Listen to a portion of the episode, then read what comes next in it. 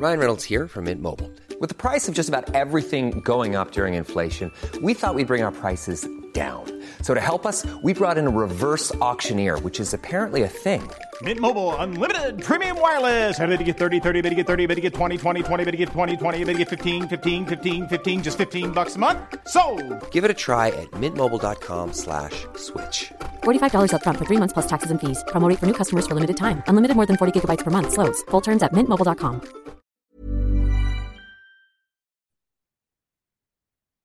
Halo pendengar GGMU Podcast, balik lagi bersama kita berdua. Dan di episode kali ini kita mendedikasikan untuk membahas alias mereview alias memberikan penilaian sepihak dari kabar yang kita dengar bahwa Sofian Amrabat ternyata tidak jadi dipermanenkan oleh fans MU, oh oleh fans MU, oleh manajemen MU dan juga beberapa fans pengen yang nggak pengen sih.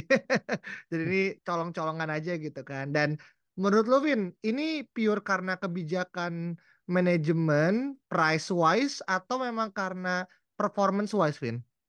Nah, ini masalah Amrabat menurut gue agak mengecewakan ya. Karena di awal banget kan kayaknya kita hype banget tentang pemain ini. Cuma memang satu hal yang harus kita sadari adalah di awal banget ya ketika dulu kita bahas judulnya apa ya? Am, harkat martabat Amrabat, Amrabat, ya. Iya. ya. Judulnya kayak gitu. Itu statement awal gue adalah Amrabat ini sebenarnya pemain yang biasa aja. Tapi dia fungsional sebagai backup. Dia mau menjadi backup dan bisa menjadi backup. Bukan pemain yang sifatnya adalah harus menjadi starter gitu. Karena kualitasnya nggak di situ gitu. Jadi ketika waktu itu ada Amrabat, gue setuju. Karena make sense nih kalau jadi backup. Kalau waktu itu adalah Lavia, menurut gue itu Lavia menurut gue potensinya dan ceilingnya masih jauh lebih tinggi lagi gitu. Meskipun ya sekarang di Chelsea juga dia masih struggling dengan cedera. Tapi menurut gua kalau sama Amrabat, Amrabat lebih make sense. Makanya gua akhirnya setuju. Dan akhirnya dibeli juga kan gitu. Bukan dibeli ya, maksudnya dipinjemin dengan mahar 10 juta. Dengan ada opsi pembelian 15 juta di akhir musim gitu. Nah, ini menurut gua apa ya? Kecewanya kayak oh ternyata emang Amrabat di mata em, apa ya? Mungkin fans atau di mata para manajemen ya, terutama rekrutmen tim mungkin ya itu ternyata sejelek itu gitu loh.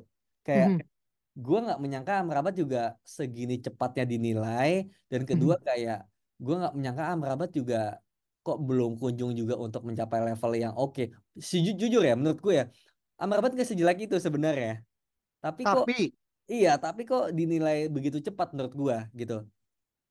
Karena satu dia nggak ada precision, kedua dia ngebawa cedera punggung, ketiga adaptasi gitu loh kayak what do you expect buat pe- pemain yang langsung tune in gitu loh. Bahkan Casemiro pun juga beberapa match awal seminggu dua minggu awal juga mainnya jelek kan. Kita malah prefer Scott McTominay daripada Casemiro pada saat itu ya.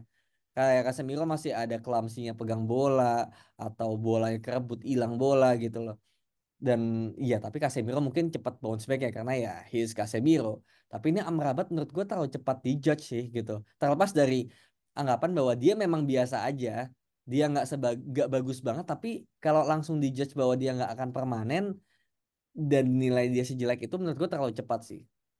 Oke, berarti lu ngerasa ada semacam kayak apa ya justifikasi yang terlalu dini ya Vin ya Iya. dari penilaian orang-orang tentang bagaimana Sofian Amrabat bisa memberikan impresi gitu kan di mata fans, di mata manajemen dan sejujurnya ketika gue dengar rumor ini pertama kali dari X.com, gue juga bingung nih ini emang udah menjadi bocoran atau bisa bilang leaks ya, manajemen leaks gitu.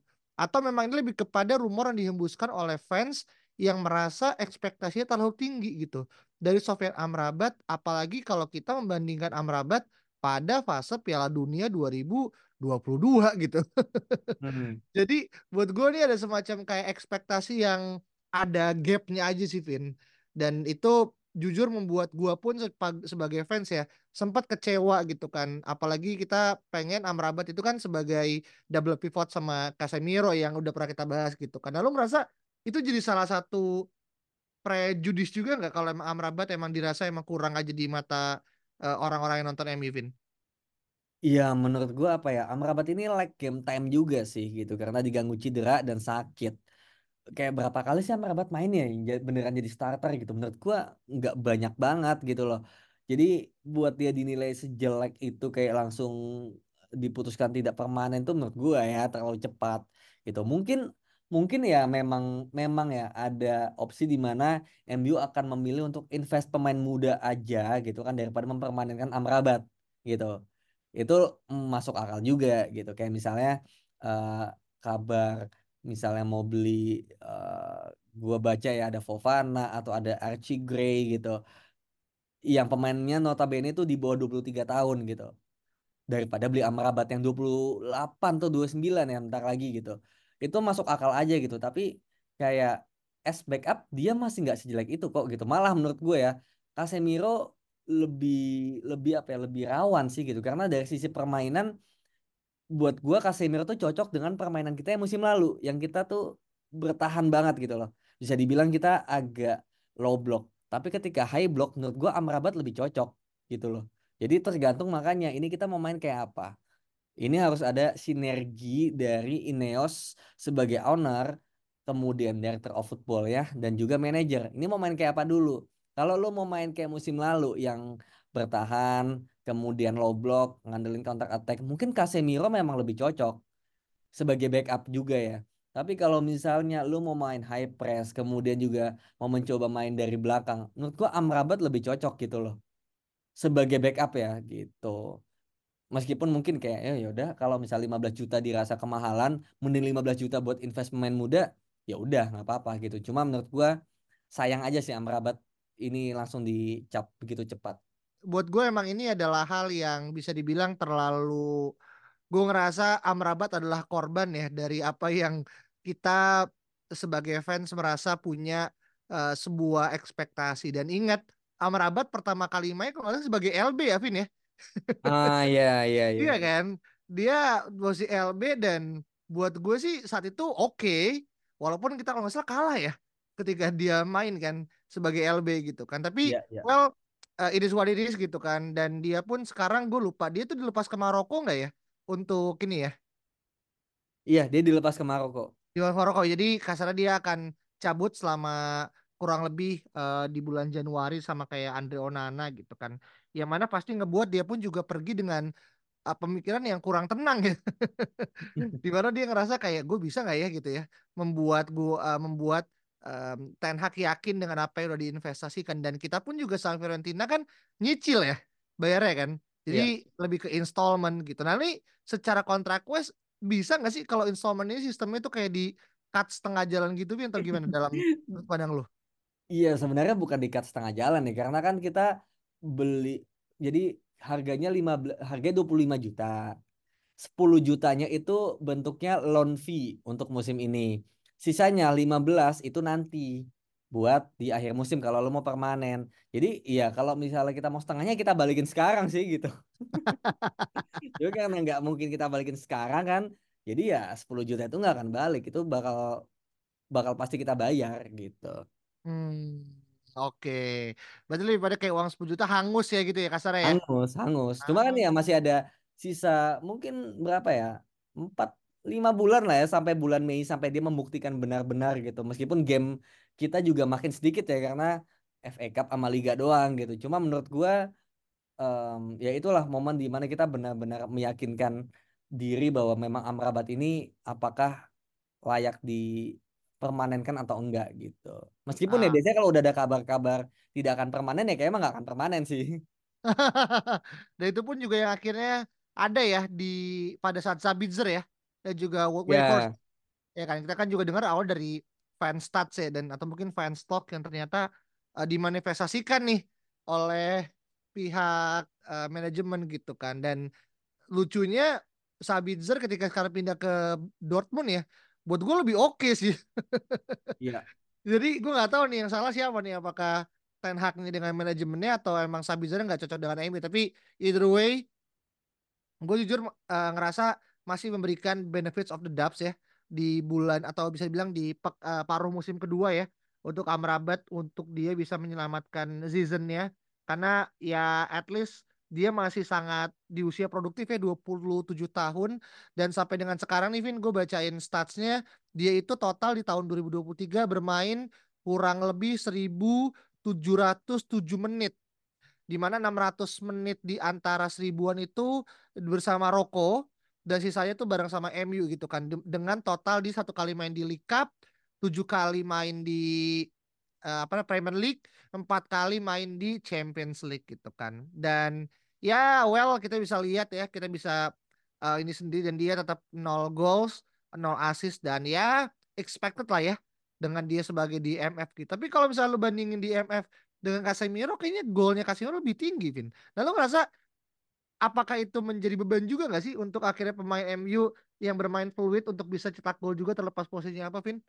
Ya Casemiro musim inilah ya gitu misalnya ya atau musim lalu yang menurut gue karena Casemiro mungkin dia lebih banyak di kotak penalti ya kalau misalnya ketika lagi uh, set piece itu satu Kedua, kalau misalnya di musim ini yang gue lihat dia emang sering maju gitu loh, meskipun sebagai DM gitu. Jadi menurut gue itu lebih kepada role aja sih. Dan yang gue lihat kan kayak Amrabat emang orangnya itu perannya itu adalah ketika persiapan counter attack, ya lo harus ready gitu. Mungkin itulah Casemiro gitu. Ketika dia rajin menyerang, tapi ketika bertahan dia lagi nggak begitu cepat gitu. Makanya sering kita kena counter karena DM-nya lagi nggak siap gitu loh. Sedangkan kalau si Amrabat ya dia lebih ready karena dia lebih di belakang dan nggak begitu maju kayak si Casemiro gitu. Dan ditambah mungkin ya Casemiro juga secara goal threat lebih bagus gitu kan dia bisa sundulan, tendangan dia juga lumayan gitu kan. Amrabat ini emang pure DM yang Iya dia mengatur serangan dari belakang, cuma memang levelnya mungkin bukan level Liga Inggris gitu ya di Itali oke okay lah, di Spanyol mungkin oke okay, gitu. Cuma di Inggris kayaknya mungkin di level menengah mungkin ya bisa gitu. Dan mungkin juga yang bikin dia akhirnya mau dilepas adalah karena kita udah ngeliat betapa bagusnya Kobi Mainu gitu. Kobi Mainu sebagus itu sebagai DM, single DM dan nanti ketika Amrabat dilepas yang kita beli adalah pemain yang bisa bersaing dengan Kobi Mainu gitu, tapi dengan versi yang lebih muda dari Amrabat meskipun kalau dibandingkan sama Mainu mungkin ya bakal lebih tua sedikit ya gitu. Cuma mungkin karena kita udah ngeliat satunya ini udah ada udah ada si Kobi Mainu nih satu. Kita tinggal satu lagi dan dirasa mungkin Amrabat nggak um, cocok dan udahlah mending gue beli lagi aja gitu. Yang emang benar bukan yang sifatnya urgent dan apa namanya kayak kemarin tuh apa sih namanya uh, darurat gitulah. Amrabat kan lebih ke ya opsi opsi apa uh, opsi terakhir banget gitu loh. Yang sifatnya mungkin ya ya udah lu sebagai pinjaman aja gitu. Oke oke. Menarik uh, secara uh, gutak-gutiknya dari bagaimana Amrabat dan gue malas lebih ke kasihan sih karena uh, gue nggak tahu ya kayak dia itu sama-sama mirip kayak Van de Beek ex dari pemain yang pernah dia dampingi. Ya bedanya kalau Van de Beek di Ajax kalau uh, Amrabat di mana ya? Di Utrecht ya? Eh sih? ya, betul. Mm-hmm. ya Utrecht kan gitu kan. Tapi justru malah akhirnya uh, tidak bisa menunjukkan kualitas terbaiknya gitu kan. Dan bayangin kalau misalkan Amrabat ini adalah Anthony yang kita pinjam dari Ajax. Gue juga cukup yakin pasti di musim kemarin terlepas gol dia ke gawang Barcelona ya yang menyelamatkan MU tapi uh, musim ini ya mungkin akan mirip juga ya. Desakannya untuk akhirnya kita nggak perpanjang akan sangat-sangat uh, besar gitu kan. Tapi ya udah keburu dibayar ya Ajax sudah keburu menang besar ya Vin nah iya dengan 90 dan, juta apa dan ini juga apa ya kayak di awal musim kan kita juga sempat baca ya bahwa Amrabat ini sebenarnya udah ditolak nih opsinya sama tim rekrutmen MU hmm. gitu. Hmm. Tapi yang mau Amrabat ini adalah Ten Hag katanya gitu. Nah ini kan jadi menunjukkan bahwa Ten Hag dan tim rekrutmen ini sering nggak sinkron gitu loh. Kayak Ten Hag ini somehow uh, beli pemain itu beberapa itu berdasarkan mungkin kenalan kenalan oh, dia kenalan. yang dia tahu lah dia kenal gitu tapi rekrutmen tim ini sebenarnya nggak jelek gitu cuma decision makernya ini yang jelek gitu loh kayak menurut gue tim rekrutmen di mana-mana tuh bagus ngelihat pemainnya MU pun bagus bisa ngeliat Caicedo ngeliat Jude Bellingham ngeliat Haaland Tapi yang jelek adalah decision makernya yang memilih untuk akhirnya tidak membeli, ya kan? Gitu. Jadi bukan tim rekrutmennya jelek gitu. Jadi menurut gua di sini mungkin tim rekrutmennya udah benar bahwa ini Amrabat nggak akan cocok dari sisi usia udah agak tua. Mau dibeli juga ya sayang juga duitnya. Kemudian kayaknya dia terlalu lambat buat Liga Inggris. Udah benar gitu. Cuma karena Ten Hag ini punya hak veto untuk memilih pemain, akhirnya Ten Hag yang menang gitu. Karena memang udah nggak ada pi- pilihan lain kan yang lu bisa keluar dari 10 juta, bisa beli DM, siapa? Nggak ada kan DM harga 10 juta kan. Mau nggak mau ya lu loan gitu. Jadi memang menurut gua harus segera dirapikan struktur eh, sepak bolanya MU sampai nantinya decision maker ini juga harus diputuskan siapa yang punya hak paling besar dan memutuskan kayak final say-nya ini di siapa dan menurut gua nggak bisa di pelatih sih. Pelatih boleh ngasih pendapat, pelatih boleh ngasih influence juga gitu kayak ngasih masukan, tapi nggak boleh final say-nya di pelatih gitu loh. Karena ya gue udah melihat banyak pembelian Ten Hag juga yang nggak sukses gitu loh. Karena ya based on kenalan-kenalan doang gitu loh. Ya mungkin sukses di sana tapi nggak akan sukses di Inggris.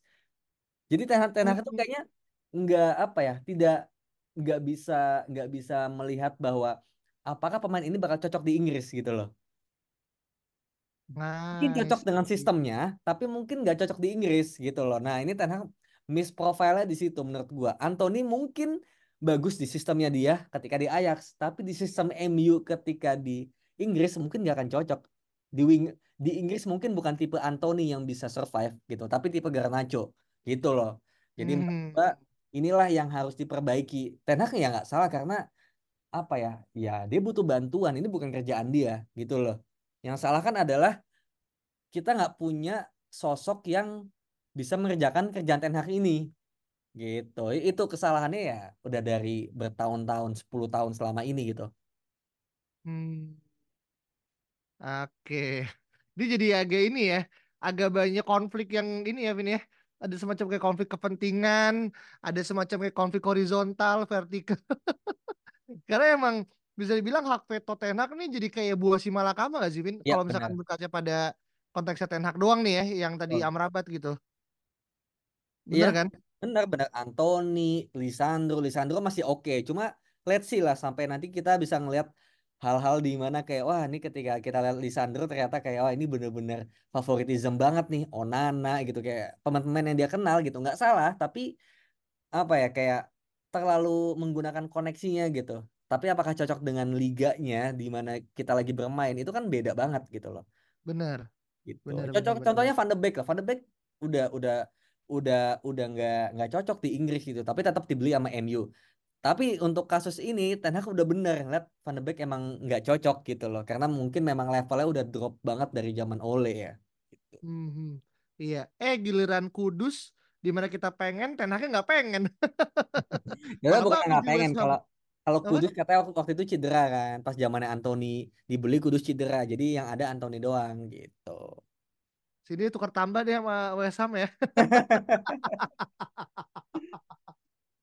Waduh, West Ham enak. Ay, Iya. macam begitu kan. Oke. Nah, eh, paling terakhir Vin untuk eh, skala 0 sampai 10 seberapa yakin dia akan dipermanenkan sama MU Vin? Ya mana Amrabat ya. Iya dong. Sofyan Amrabat menurut gua kalau melihat dari em, apa ya di media ya MU udah berbicara bahwa ya meskipun gua nggak tahu sumbernya benar atau nggak cuma yang gue baca dari Sky Sports biasanya sih benar itu gue sebenarnya pengen bilang 50-50 tapi ketika melihat kabar-kabar MU juga pengen invest juga gitu loh di pemain yang lebih muda gue merasa kemungkinan Amrabat pergi lebih gede sih mungkin Oh. 60% sih berarti 6 Mhm. dari 10 sih kemungkinan Amrabat pergi Mhm. Tapi gue setuju sih. Dalam arti gini, kayak lebih baik squadnya di overhaul aja gitu.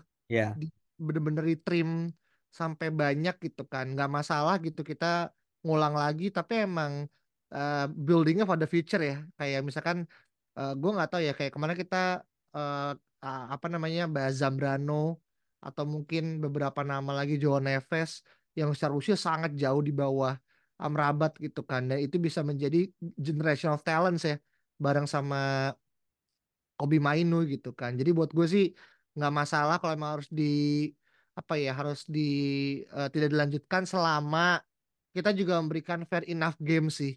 Jadi kayak nggak semacam kayak Van de Beek yang keluar tapi belum pernah mendapatkan. Gue lupa ya. Kapan terakhir kali Van de Beek mendapatkan gameplay di bawah Ten Hag gitu? Hmm. Di pramusim ya? Eh, iya, pramusim dia golin. Iya kan? Terus iya, Pramusim kan dia kan iya, yang golnya sama ini kan umpan dari Dangor kan kalau nggak salah ya. iya, iya, iya, Iya kan tuh lawan siapa lagi Musim pas di ini ada tuh. musim Hah? ini ada main tapi sebagai pengganti yang kita tuh udah udah udah pasti kalah gitu. Gue lupa lawan apa Bournemouth deh kayaknya.